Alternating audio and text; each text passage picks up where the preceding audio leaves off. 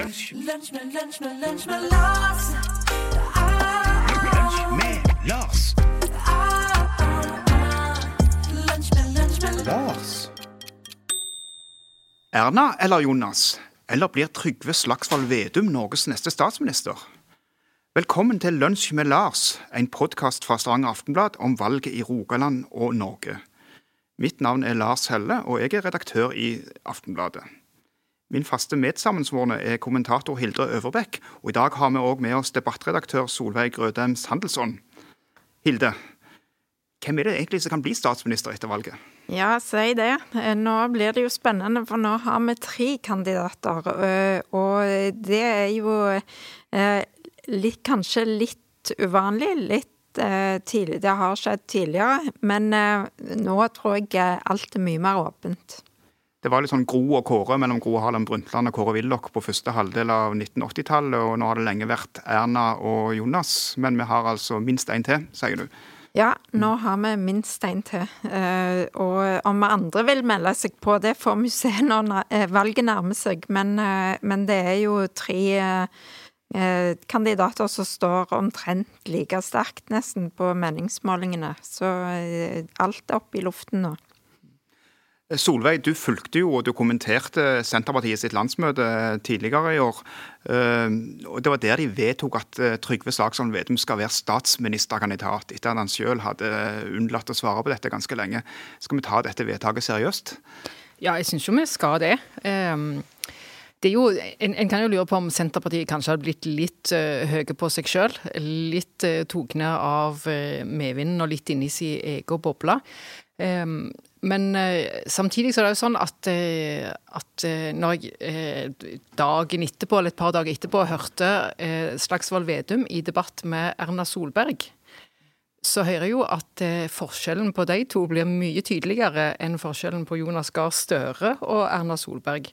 For de er jo faktisk enige om ganske mye, og de er begge to liker de å ha store system og apparat på ting. Mens Trygve Slagsvold Vedum skal trekke det ned til det som er nært oss, og han klarer å holde på den eh, dagsordenen der ganske godt. Så godt at han eh, fikk eh, Erna Solberg til å snofle i sine egne bein når hun skulle prøve å debattere mot han. Det er mye mer spennende enn å høre på Gahr Støre og Solberg, faktisk. Mange snakker da om at er du, er du et statsministeremne, er- opptrer du statsministeraktig? Er det noe, Selv om Vedum er forskjellig fra de to andre, er det noe statsministeraktig over han? Jeg, jeg har jo altså aldri syntes det. Jeg syns at han er, han er god som eh, opposisjonspolitiker. Eh, som kan utfordre makta, og da får han jo lov til å holde på med sitt, eller til å stå rett opp og ned og holde på med sine saker. Eh, og han har latt være å svare når han ikke vil svare, eller når han ikke har gode svar. Eh, han virker ikke spesielt samlende alltid. Han er mer den der er, eh, joviale fyren som påpeker andre sin eh, feil og ler litt med de. Så han, han må strekke seg litt for å få noe statsministeraktig over seg, altså. Hvordan var stemningen i salen eller ute på eh, Teams-plattformene de, under debatten og, og når de fikk dette vedtaket med statsminister Vedum? Så det ut som de trodde på det? Jeg, jeg, jeg tror nok at de, eh, at de tror på det. Eh, jeg jeg vet ikke om jeg er så god til å tolke stemninga på Teams og litt fram og tilbake og, og ut og inn der, altså. Men, men eh, det er jo sånn at de i Senterpartiet har vært litt skeptiske til om Jonas Gahr Støre trekker mange nok velgere til Senterpartiet ifra borgerlige sider fra Høyre og Frp. De tenker at eh, hvis Slagsvold Vedum sitter som et alternativ, så kan de kanskje få med seg noen av de som er mer borgerlig stemt, men som er skuffa over eh, Solberg-regjeringa, men ikke vil hoppe så langt bort som til eh, Arbeiderpartiet. Og så vil jo òg store deler av Senterpartiet, ikke minst i Rogaland, gjerne markere litt avstand til venstresida i norsk politikk og dra lenger mot sentrum. Da må de kvitte seg med SV ute på kanten der, eh, noe Jonas Gahr Støre helst ikke vil. Men hvis de skal klare det, så må i alle fall Senterpartiet bli enda større, sånn at Senterpartiet og Ap kanskje kan danne regjering sammen, bare de to. Men kan de danne regjering hvis de ikke får flertall, Hilde? De kan jo det. Vi har jo hatt eh, en haug med eh, mindretallsregjeringer. Eh, F.eks. Gro Harlem Brundtland satt en god stund som mindretallsregjering, og oppå har vi jo eksempler på det. Det, det, eneste det fører til, er jo at det blir litt mer liv på Stortinget. Eh, siden da Stortinget får litt mer makt til å komme med innspill og forslag sjøl, og at de trenger støtte fra de andre partiene for å få gjennomslag for sine saker. Ja, Faktum er vel at siden 1961 så har jo alle Arbeiderpartiregjeringene vært mindretallsregjering, unntatt den som var trepartiregjering med Jens Stoltenberg fra 2005 til 2013. Og så er det jo snakk om Solveig, at uh, dette med Vedum bare kan slå til hvis han blir største parti. Er det, sånn, er det en regel om at det bare er det største partiet i en regjering som kan få statsministeren? Nei, det, det er det jo ikke. Uh, altså Kjell Magne Bondevik i, i Bondevik II-regjeringen han var ikke for det, for det, største partiet. Og så tror jeg det var noe med Per Borten òg der. Men da, eh, Per Borten husker jeg best for, for underbuksa størrebæring. Men jeg vet det var et eller annet der. Uh, så det går fint. Og så er det jo eh, altså det, når, det, når, diskusjonene havner i Stortinget, i plassen for internt på regjeringsmøtene, så, så er det kjekkere for oss andre å, å følge med. Fordi vi får, får, mye Det blir mye åpnere. Vi får mye større innblikk i hvor kampene går, og eh, hvilket parti du bør prøve å, å påvirke, eh, og utenom, utenom valget. Så det er det er, det er mange grunner til å heie på mindretallsregjeringer, mindre, syns jeg. Ja, Vi har jo god erfaring i Norge. og Borten ledet jo faktisk en flertallsregjering fra 1965 til 71. og Han var fra Senterpartiet, og Høyre var jo større enn de. Men han snakket om størrebæring, så var det jo for at de, det var fire partier som skulle henge sammen. og Det var ikke så lett. og Det har vi vel også sett de, det året Erna hadde flertallsregjering, Hilde, når Frp, Venstre, KrF og Høyre holdt på sammen? Vi har absolutt sett det. og, og, det førte jo til en uh, enorm løsrivning fra, fra, Frp sin side. Men det, det har jo òg ført til ganske økt pengebruk i den perioden de har sittet, fordi at alle skal få sitt. Uh, og alle skal ha gjennomslag for sitt og det er rivninger mellom eh, f.eks. Eh, KrF spesielt, Frp, eh, om hvilke saker de skal prioritere. Så det er ikke bare enkelt å sitte i en flertallsregjering heller. Nei, men apropos Frp, kan det tenkes at de lanserer Sylvi Listhaug som statsministerkandidat? Ja, det får vi jo se, men, eh, men, det kan jo hende at de tar en sjanse. Eh, de, de, eh, er jo ikke alltid så veldig forutsigbare. Frp, så hva de gjør rundt neste sving, det kan jo bli spennende å se. Men la meg dvele litt med det. for det er en ting at det er spennende hvem som blir statsminister i landet, men det er òg uh, interessant å se hvilke partier som finner sammen ennå. For det er jo ingen som kommer til å få uh, rent flertall, uh, flertall, her. Og så sier f.eks. Frp at nei, vi, vi, vil, vi, vil, ikke være i en regjering vi ikke, ikke kan være i. Og MDG sier at de kan ikke støtte en regjering som ikke vil stoppe oljevirksomheten. Hva fører det? Blir det rotete for velgerne, dette, Solveig? Ja, det, det, kan jo bli rotete. og Jeg, jeg synes jo selv at det er ganske irriterende at du ikke helt kan vite hva du stemmer på. For uansett hvilket parti du stemmer på, så er det et parti som skal i forhandlinger med noen andre.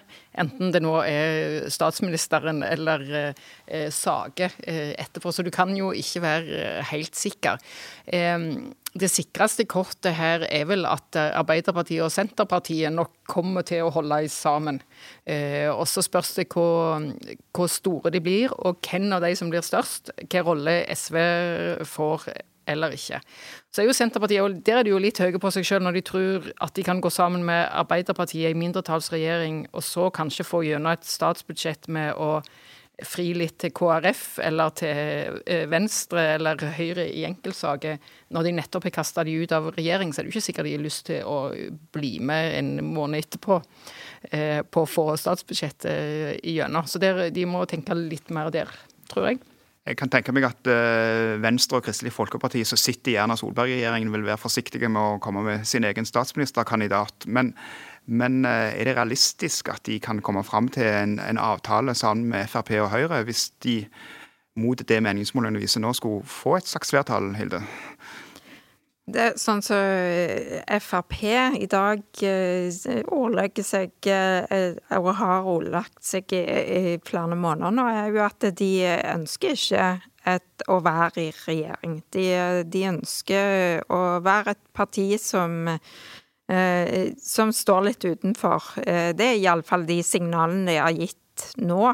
Og så har du jo sett tidligere med at eh, Venstre sa F.eks. at de ville aldri støtte Frp i en regjering, og så går de inn i regjering med Frp likevel. Eh, så, så sånne konstellasjoner tror jeg det er veldig vanskelig å forutse på forhånd, og det er kanskje det som er litt problemet for velgerne òg. At de ikke helt vet hva de får, selv om de stemmer på ett av partiene. Ja, nei, Du Solveig var jo inne på det, at det er litt irriterende du ikke får vite hva det er. Men er det ikke sånn det blir i Norge, da, når uh, det er så mange partier som er jevnstore, at du rett og slett ikke kan bestemme på forhånd hva slags regjering du får? Nei, du, du, kan, jo, du kan, jo, ikke helt det. Så du, du, kan eh, finne ut hva som nok er de store sakene, og hvor de cirka eh, finner sammen. Hvor det i praksis ikke er så veldig store forskjeller. Eh, der tenker jeg at fremdeles at det litt, ser litt lettere ut akkurat nå på venstresida, eller mellom eh, altså Arbeiderpartiet og Senterpartiet, som begge er ganske pragmatiske og interessert i makt når det kommer til stykket. Sånn at de, de klarer glatt å gi et par ideologiske tanker på båten for å, å få det til. På den andre sida, når, når, så tror jeg, når, altså når, når Erna Solberg hadde eh, flertallsregjering, så var det Altså Mer enn staurbæring så var det jo snakk om ren kvisting, der de tre småpartiene ble eh, reduserte til nesten ingenting i løpet av den eh, perioden. Eh, så at de vil være Kanskje vil tenke eh, heller prøve å De to minste redde seg over sperregrensa, og, og, Frp heller tenke fram mot neste valg der igjen. De, de må først prøve å bygge seg opp til å bli en story igjen for å bli et litt tåpelig bilde. Da. Mange snakker jo om det, eller kaller det for SV-syndromet, fordi SV ble marginalisert i den Stoltenberg-regjeringen fram mot 2013. Eh, og Rødt sier f.eks. at de er ikke spesielt interessert i å være i regjering, eh, men de vil ha regjeringsskifte. Hvordan skal vi forholde oss til, til den type utsagn, Hilde? Jeg tror at du eh, må nesten forholde deg til hvor mange de får inn på Stortinget. For sånn som det har vært nå med Rødt, så, så, har de jo egentlig ikke fått så mye gjennomslag for sin politikk. Det har vært et par enkeltsaker hvor de har, har fått gjennomslag. Eh, og Eh, MDG er litt av det samme. Så, så, det avhenger helt av hvor mange de får inn på Stortinget, og de, de kan faktisk ende opp med å ligge på vippen. Og da får de jo større makt. Og det, det er jo sånne ting når, når, de ikke er med i regjering, så vil de jo nødvendigvis måtte ha støtten for å få gjennom et statsbudsjett, for å få gjennom forslag. Så, så de vil jo spille en litt større rolle hvis det har kommet inn flere fra de partiene. Vi skal nok snakke om sperregrensen i andre episoder av, av denne podkasten, men det kan jo bli både støy og allsang rundt sperregrensen. Eh, hvis MDG, Rødt og kanskje også KrF og, og Venstre ligger og vager rundt eh, den firergrensen. Og det kan òg spille inn hvem som blir statsminister? Ja, det kan det absolutt. Og akkurat som det har vært på de målingene de siste månedene, så er jo eh, verken Venstre eller KrF eh, over sperregrensen. Og da kan vi jo se et storting for oss som ser helt annerledes ut enn det gjør i dag. Og da vil jo maktbalansen gå over til f.eks. venstresiden og gi mer makt til de i form av den støtten som de kan få eh, å få av de som ligger på venstresiden. Er det sånn at Erna Solberg, Solberg, er enda mer avhengig av at Høyre og Venstre kommer over sperregrensen, enn Jonas Gahr Støre er at Rødt og MDG kommer over sperregrensen? Ja, det er akkurat sånn som det ser ut nå, så, så er jo hun veldig avhengig av Venstre og KrF. Eh, for å få gjennomslag for eh, sine saker, og òg for å få en bredere støtte på høyresiden. Ellers så blir de veldig avhengig av bare Frp. Tilbake til det hva partiene lover eller ikke lover på forhånd. Solveig. Hvis Frp bare vil være en regjering de selv er i, og så vil de ikke ha Jonas Gahr Støre som statsminister. Hvis du får en situasjon omtrent som i dag, hvor de sammen med Venstre, KrF og Høyre har flertall, men ikke kommer i regjering, kan det bli regjeringsskifte da, eller hva? Ja, si det. Det, det blir litt som Det er ikke så lett å, å se hvor, eh, hvor, Frp hopper. Men, men jeg, tror, jeg, tror, at de, eh, de, hadde fått skikkelig skikkelig eksem av å sitte i den regjeringa der de syns de fikk altfor lite gjennomslag. Eh, og fikk markert seg altfor lite. og, og det tror jeg Sylvi Listhaug, som er leder nå, kjente enda mer på enn Siv Jensen. Eh, så jeg tror at det skal litt til før de rister det av seg, men jeg vil ikke, jeg vil ikke vedde på det. Sylvi Listhaug sa vel at det var som å sitte i fengsel og sitte i en flertallsregjering. Så ja, jeg tror ikke hun var i fengsel noen gang, men eh, hvis hun eh, kan si det. Men hun, hun, sa det. Sånn hadde hun det, så det er ikke sikkert hun er klar for å gå i fengsel igjen.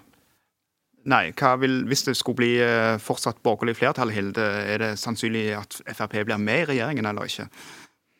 Det, det, tror jeg er helt åpent. Eh, jeg tror faktisk at eh, den aversjonen mot Venstre og KrF eh, vil nok kanskje stoppe det. Men skulle de gått inn i en mindretallsregjering med Høyre, så tror jeg at de, de nok kunne gjort det. Men jeg tror nok Eh, sånn som det ser ut nå, at det er det som er alternativet for de, hvis de skal inn i regjering, og ikke ha med de små partiene som gjør at de ikke får gjennomslag for den politikken de mener er viktig. Altså rett og slett sånn som det var til å begynne med, med, med Høyre og Fremskrittspartiet i en sannsynligvis mindretallsregjering? Ja, det, det vil jeg tro at det, eh, det, kan de se for seg eh, hvis de skulle inn i regjering igjen. Mm. Litt tilbake til de små partiene på venstresida. Vi har jo snakket mye om at Arbeiderpartiet og Senterpartiet langt på vei har et avklart forhold til hverandre, men ikke så mye til de andre partiene på venstresida. Eh, men, men, når det gjelder særlig Rødt og MDG, så kan det være at Jonas og Trygve, statsministerkandidatene heter, har det samme. De får litt flass eh, av, av, av de to uh, vippe- eller sperregrensepartiene. Ja, de, de, er nok for, enten for radikale eller for tydelige for de i miljø- og klimaspørsmål.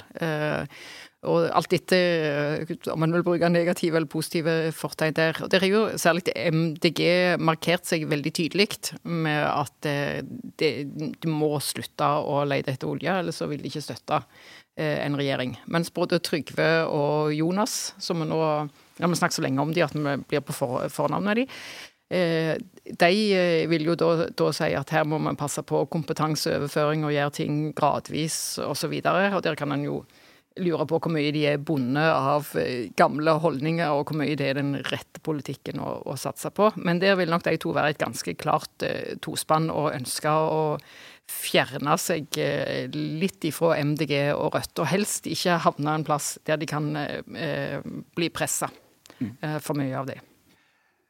Hovedpoenget i denne podkasten er jo statsministerspørsmålet. Hva tror du er viktigst, Hilde? Er det sakene, eller hvem som blir statsminister?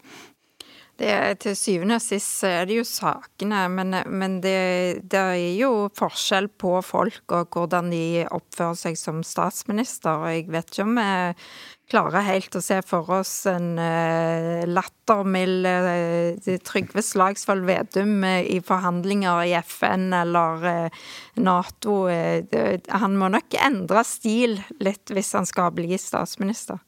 Hva tror du, Solveig? Er det sak eller person? Jeg, jeg, tror det er sånn at Trygve Slagsvold Vedum som statsministerkandidat klarer å gjøre sakene til det regjeringsalternativet mye tydeligere enn Jonas Gahr Støre. Men eh, etterpå så er det litt vanskeligere å se for seg han som den, eh, kanskje den fremste statsmannen. Men jeg tror han kan dra sakene deres mye tydeligere og lenger opp i valgkampen. Ja, da tror jeg vi sier takk til dette meget innsiktsfulle panelet. Eh, vi begynte med Erna eller Jonas, eller kanskje Trygve som statsministerkandidat. Og jeg tror at svaret er blitt at det blir Erna eller Jonas. Eller kanskje Trygve. Jeg tror ikke vi har fått noen nye. Men takk for at dere hørte på Lunsj med Lars. Vi er tilbake med nye, nye sending neste uke. Og dere laster oss ned der dere finner podkaster eller i appen til Stavanger Aftenblad. Takk for nå. lunch. Lunch my, lunch my, lunch me, loss. Lunch me, loss.